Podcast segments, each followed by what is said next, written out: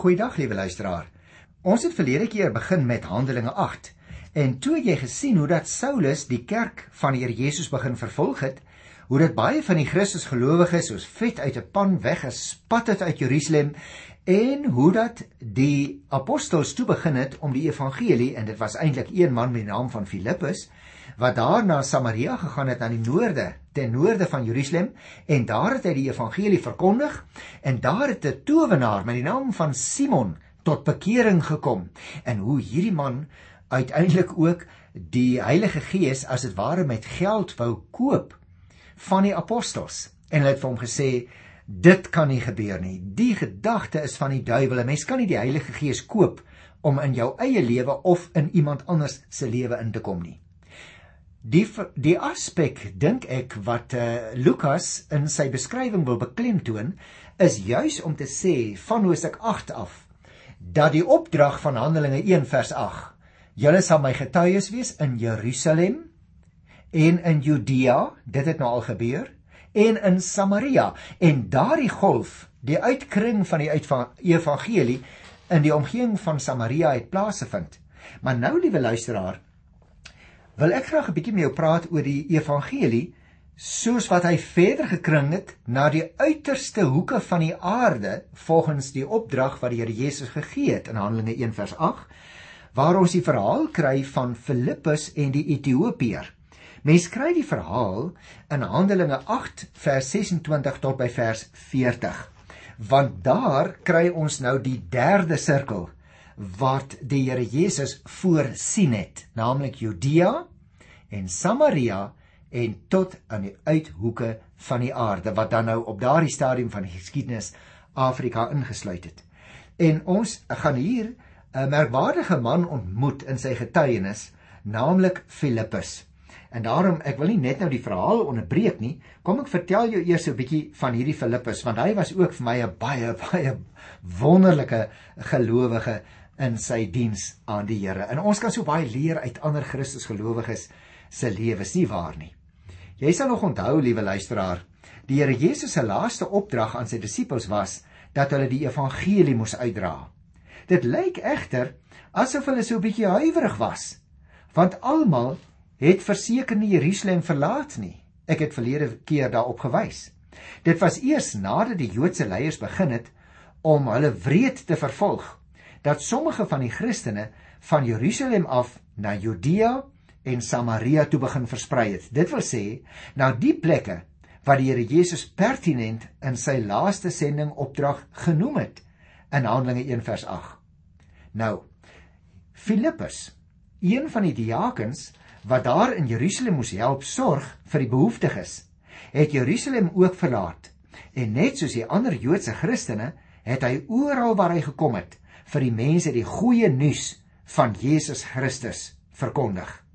Hy het egter nie net vir Jode van die Here Jesus vertel nie, maar hy het ook na Samaria toe gegaan, 'n plek waarheen geen Jood eintlik graag wou gegaan het nie, aangesien daar baie diep gewortelde vooroordeele en selfs haat van die Joodse kant af was teenoor die Samaritane. Nie dat die Samaritane vir die Jode in Jerusalem lief was nie, hoe genaamd nie. Maar ek het al 'n vorige keer vir jou daai geskiedenis vertel van hoe die skeiding gekom het tussen die Jode en die Samaritane. Daarom gaan ek dit nou nie weer doen nie.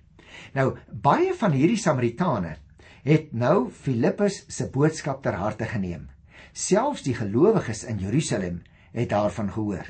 En Petrus en Johannes is toe gestuur om ondersoek te gaan instel. Hulle dadelik by die werk betrokke geraak en selfs gesien dat die Here ook diegene wat dikwels as onaanvaarbaar beskou word, aanvaar. Dis wonderlik, né? Die Here ontvang enige iemand. Nou te midde van al die opwinding in die werk van God, het die Here nou vir Filippus aangestel om na 'n afgeleë streek te gaan want hy wou hê dat daar met 'n man Filippus het natuurlik nog nie van hom geweet nie, naamlik 'n Ethiopiër gepraat moes word. Nou die ontmande Ethiopiër was van Jerusalem af op pad terug na sy land toe. In die ou taal, liewe luisteraar, 1200 myl. Filippus het dadelik gegaan en die evangelie boodskap op so 'n verstaanbare manier aan hom verduidelik dat hy as Christen na sy land toe teruggekeer het. Hy het 'n baie belangrike pos daar beklee en hy het waarskynlik ook 'n baie groot invloed op sy mense gehad. Filippus het hom uiteindelik in Caesarea gaan vestig. En hy het Paulus baie jare later daar gehuisves. Tussen hakies Paulus, een van die heel ywerigste vervolgers van die Christene en dus ook een van die wat die gelowiges uit Jerusalem laat pad gee het, het self 'n gelowige geword. Die evangelisasiewerk onder die nie-Jode wat deur Filippus begin is, is dwars deur die Romeinse ryk deur Paulus voortgesit. Nou ja, of 'n mens nou 'n gelowige is of nie, Filippus se lewe roep vir jou as jy sy verhaal lees op tot daadkragtige diens aan Here Jesus. Hy sê vir almal as ek die boodskap wat sy lewe dra reg verstaan, wat nog buite die evangelie staan, dat die boodskap van Christus ook vir hulle wat nog buite is, bedoel is. En natuurlik luisteraar, hy sê dit vir almal wat die evangelie aanvaar het, dat niemand uitgesluit mag word van die evangelie nie. Hoekom nie? Want die goeie nuus is vir almal bedoel. Mag ek jou vra? Jou bure langs jou sou hulle kon sê dat jy vir hulle ook soos Filippus is? Dalk is hulle ongelowige mense, liewe luisteraar. Dan is dit jou en my verantwoordelikheid om soos Filippus op te tree. En daarom wil ek nou hierdie verhaal waarin Filippus 'n baie belangrike rol speel met jou bespreek hier van Handelinge 8 vers 26 af tot aan die einde van die hoofstuk want die betekenis van die gebeurtenis is baie belangrik, naamlik dat die evangelie 'n buitestander bereik het. Met ander woorde nie een van die Jode nie. En dit is 'n baie baie belangrike perspektief, want onthou die Jode het net na binne gekyk. Die vorige verhaal wat ons laas keer behandel het oor die Samaritane wat nie Jode was nie, is nou verby. Nou gaan dit hier oor 'n ontmande persoon uit 'n ver land Iemand wat waarskynlik nie 'n Jood of 'n proseliet van die Jodendom was nie. Die meeste klem val waarskynlik op die feit dat hy 'n ontmande was. Dit word 5 maal in hierdie klompie verse genoem. Ons vertaling noem hom soms 'n amptenaar, ook soms word hy ook genoem 'n hofdienaar. Maar die belangrike aspek wat ons moet raak sien is dat hy 'n ontmande persoon was. Nou hoekom sê ek dis belangrik? want sulke persone wat in diens was van 'n vroulike heerser is dikwels ontman ter wille van die beskerming van daardie dame wat op die troon is. Nou is dit ook vir ons verder van belang want jy sal onthou in Deuteronomium 23 vers 1 staan daar dat geen ontmande in die gemeente van die Here mag inkom nie. En ook Jesaja 56 vers 3 tot 5 bevat die belofte dat hierdie beperking opgehef sal word. En hier, liewe luisteraar, hier word daardie belofte nou in die geskiedenis vervul. Kom ek lees die eerste 2 versies uh wat ek wil behandel naamlik vers 26 en vers 27. Dalk moet ek eers net 26 lees want hy is net so vol aan in inhoud. 'n Engel van die Here het vir Filippus gesê: "Maak jou klaar en gaan teen die middag na die pad wat van Jerusalem af na Gaza toe loop." En dan kom daar 'n klein opmerkingkie. Dit is 'n stil pad. Nou liewe luisteraar, Filippus was 'n suksesvolle prediker in Samaria. En groot skare mense het daarna hom geluister maar hy was ook in hierdie teks lees ons bereid om na die verlate pad tussen Jerusalem en Gaza toe gegaan te gaan. Hoekom? Ag natuurlik omdat die Here hom by monde van 'n engel soontoe gestuur het. Maar wie ek wil vir jou nog iets wys. Daardie 26ste vers sê dit is 'n stil pad. En nou wonder ek of jy geweet het tussen Jerusalem weswaarts in die rigting van Gaza, in die rigting van die Middellandse See met ander woorde is dit 'n heuwelagtige gebied. En daarom was dit 'n baie gevaarlike roete veral vir 'n enkel persoon om te volg, want rowers het dikwels tussen die rande geskuil. Maar die Here gee vir hierdie oue opdrag. Jy sien, hy besef nie die Here het vir hom 'n afspraak gemaak op daardie pad. Partykeer loop jy en ek ook op pad wat ons glo die Here by ons is en waar hy miskien selfs vir ons gestuur het. En ons verstaan dit nie altyd nie. Dan wil ek vir jou vra, miskien moet jy en ek meer opmerksaam wees. Dalk het die Here vir ons 'n afspraak gereël om daar op daardie pad op 'n stil oomblik wanneer niemand anders teenwoordig is nie en daar net een persoon is wat jou teekom. Dalk moet jy teenoor daai persoon getuig want dit is nou wat hier gaan gebeur. Jy sien, omdat Filippus aan die opdrag van die Here gehoorsaam is, kon die evangelie boodskap ook uitgeslinger word na Ethiopië in Afrika. En daarom moet ons altyd die Here se opdragte gehoorsaam. Moet ons kyk waar hy dalk vir ons afsprake gereël het wat ons nie eers sou dink ons 'n getuie vir die Here sou kon wees nie. Luister nou na vers 27 tot by vers 29. Filippus het toe klaar gemaak en gegaan. 'n Ontmande Ethiopiër wat 'n hoë pos bekleed het aan die hof van die Kandake, soos die koningin van die Ethiopiërs genoem is, en wat haar geld sake beheer het, het na Jerusalem toe gekom om te aanbid. Hy was nou op die pad terug en het op sy wa gesit en lees uit die profeet Jesaja. Toe sê die Gees vir Filippus: gaan loop saam met daardie wa. Nou liewe luisteraar, ek wil eers 'n paar goed vir jou voordat ek nog detail oor die teks gee, wil ek graag vir jou hierso uitwys.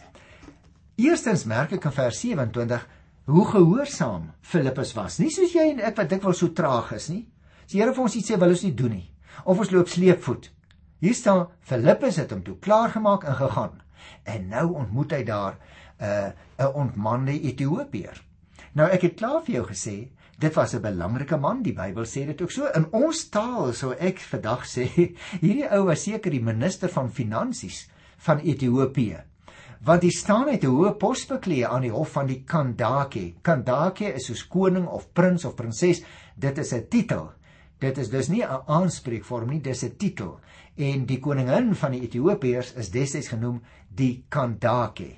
Dit is die titel of die amp wat sy beklee het. En hierdie man was in beheer van die geld sake. Hy was dus sou 'n mens kon sê relatief onskuldig, want hy kon byvoorbeeld nie die koningin verkrag nie. Hy is 'n ontmande.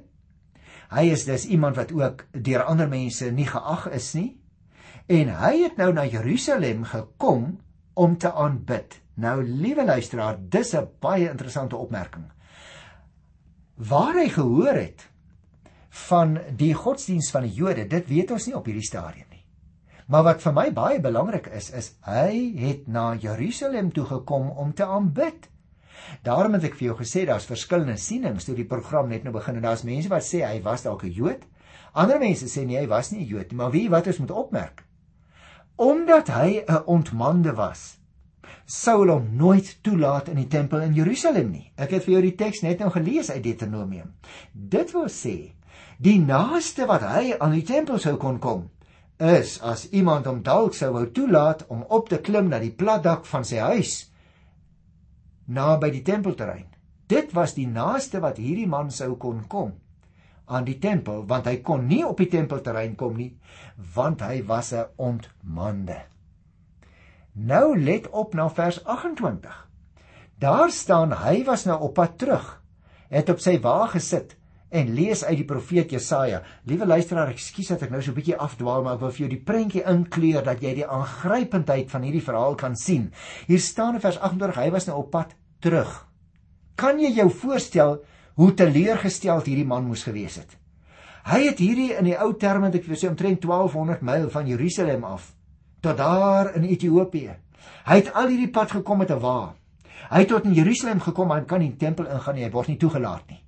Nou lê hier die lang pad terug daar na sy vaderland in Afrika. Dit lê nou weer voor hom en hy sit op sy wa en luister en hy lees uit die profeet Jesaja. Dit lyk so vir my, weet jy, ek wil amper 'n traan in my oog kry. Dis al wat hierdie man kon terugneem van Jerusalem af. Hy kon nie aanbid saam met ander Jode nie. Nou het hy maar vir hom 'n afskrif gekoop want dit kan mos nou nie die oorspronklike Jesaja geskryf wees nie. Jesaja Jesaja het geleef in 700 voor Christus. Nou is ons in die tyd van die Nuwe Testament. Hierdie ou het nou 'n afskrif van 'n afskrif van 'n afskrif van die boek Jesaja. En hy sit op sy wa en hy lees die profeet Jesaja. Nou sê vers 29, toe sê die Gees vir Filippus, gaan loop saam met daardie wa. Die Here sê nou, kyk, my kind Filippus, gaan loop jy nou saam met daardie wa.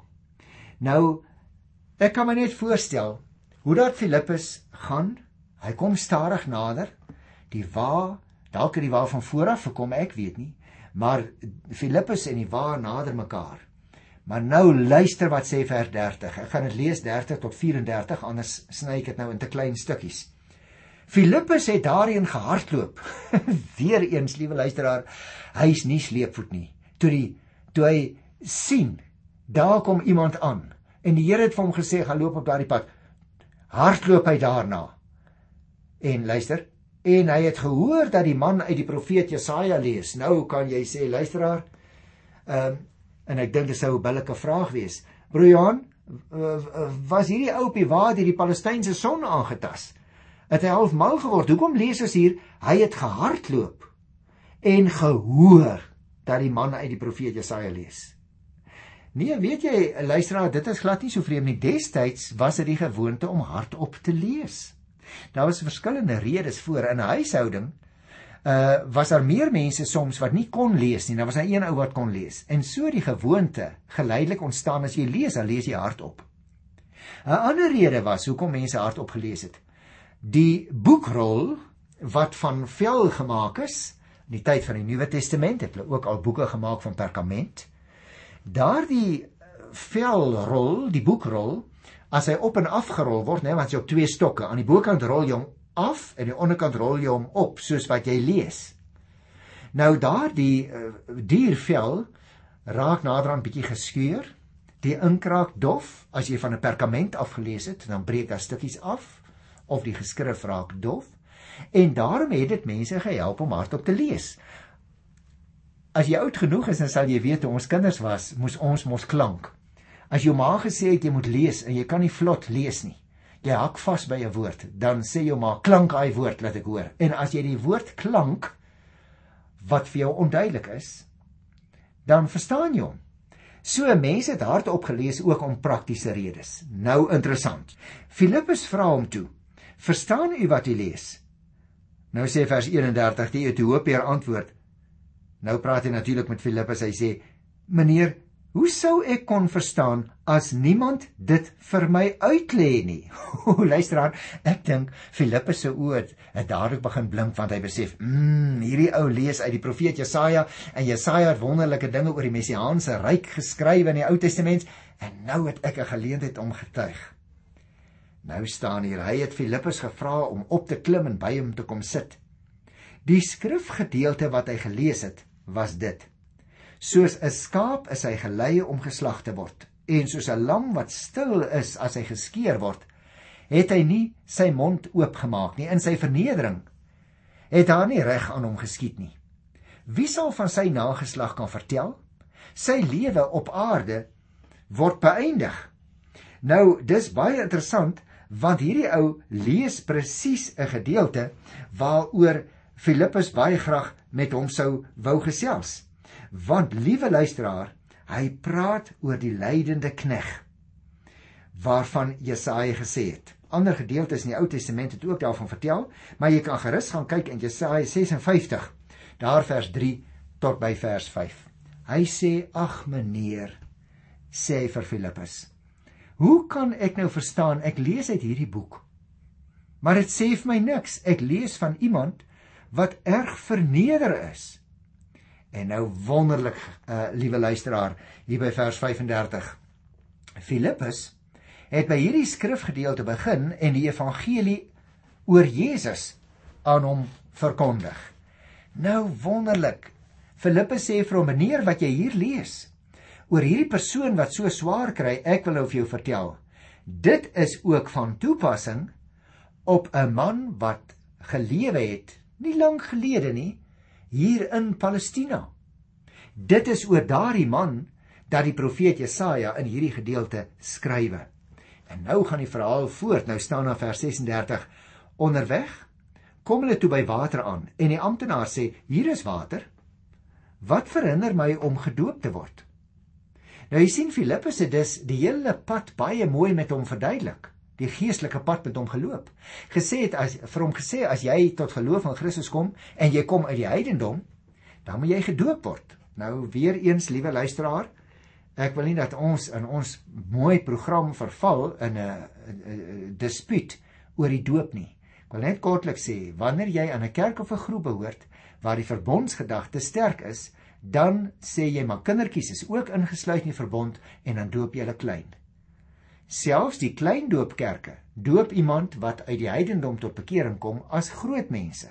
Ander kerkverbande sê nee, die ou moet eers tot geloof kom en dan moet hy gedoop word. So hierdie persoon kom uit die heidendom tot bekering, hy het nog nie van tevore die evangelie gehoor nie en daarom vra hy nou wat verhinder my dat ek gedoop word vers 38 sê toe hy die wa laat stilhou Filippus en die hofdienaar het albei in die water ingegaan en Filippus het hom gedoop dit is dus baie duidelik hier het ons 'n um, 'n voorbeeld van 'n groot poel water moontlik 'n rivier waarin hierdie man gedoop is en hulle gaan in die water in toe hulle uit die water kom het die gees van die Here vir Filippus weggeneem.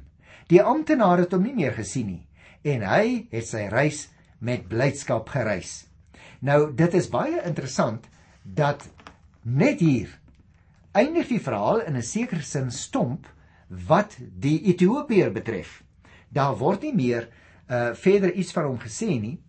Uh waarmee ons dus die afleiding kan maak dat hy verder terug is na sy land want hier staan ook die amptenaar het nie meer vir Filippus gesien nie en het sy reis met blydskap voortgesit. Hy is dus met blydskap terug na Afrika toe, want dit is waarvandaan hy kom en daarom luisteraars word die afleiding hier gemaak uit die teoloë deur al die eeue dat hierdie hofdienaar die eerste sendeling was wat na Afrika gegaan het. Ek wil nou nie baie daaroor uitbrei nie, maar miskien net vir jou 'n interessante stukkie tradisie vertel dat uh, die geskiedenis of die tradisie lui so dat hierdie hofdienaar teruggegaan het na sy land dat hy daar gaan getuig het dat daar ander mense tot geloof in Christus gekom het en dat dit dus die eerste Christelike gemeenskap geword het in Afrika. Daar is ook 'n ou tradisie wat sê hy het na Jerusalem gekom omdat die koningin van Skeba wat destyds vir Salomo kom besoek het, uit daardie omgewing gekom het en dat sy iets van die Joodse geloof daar na Afrika toe gedra het. Dit is 'n tradisie, dit is moontlik en dat hierdie man nou omdat hy geweet het daar is Jode en daar is 'n tempel in Jerusalem dat hy nou gegaan het om dit te sien.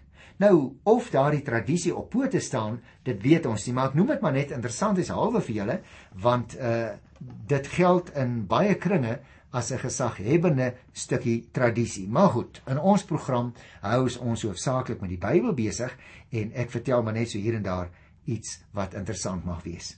Ek wil afsluit met die 40ste vers van Handelinge 8.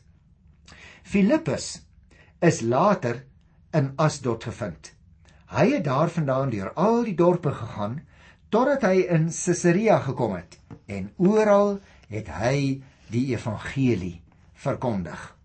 Dis baie wonderlik dat die 8ste hoofstuk op so 'n hoogtepunt afsluit want jy sien die gees Die Heilige Gees het vir Filippus op 'n wonderbaarlike manier weggevoer omdat hierdie episode dan afgesluit is en nou weer elders die evangelie verkondig moes word deur Filippus, naamlik in die stede van Judea en Samaria.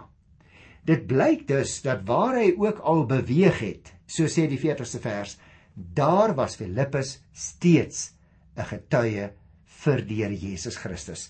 En ek wil dus ten slotte vir jou ook vra, liewe luisteraar, is jy ook en is ek ook, dink ek wil hierdie gedeelte vir my vra, is ons sulke getuies vir die Here? Mense wat die geleentheid het op baie maniere om die evangelie van Jesus Christus met ander te deel.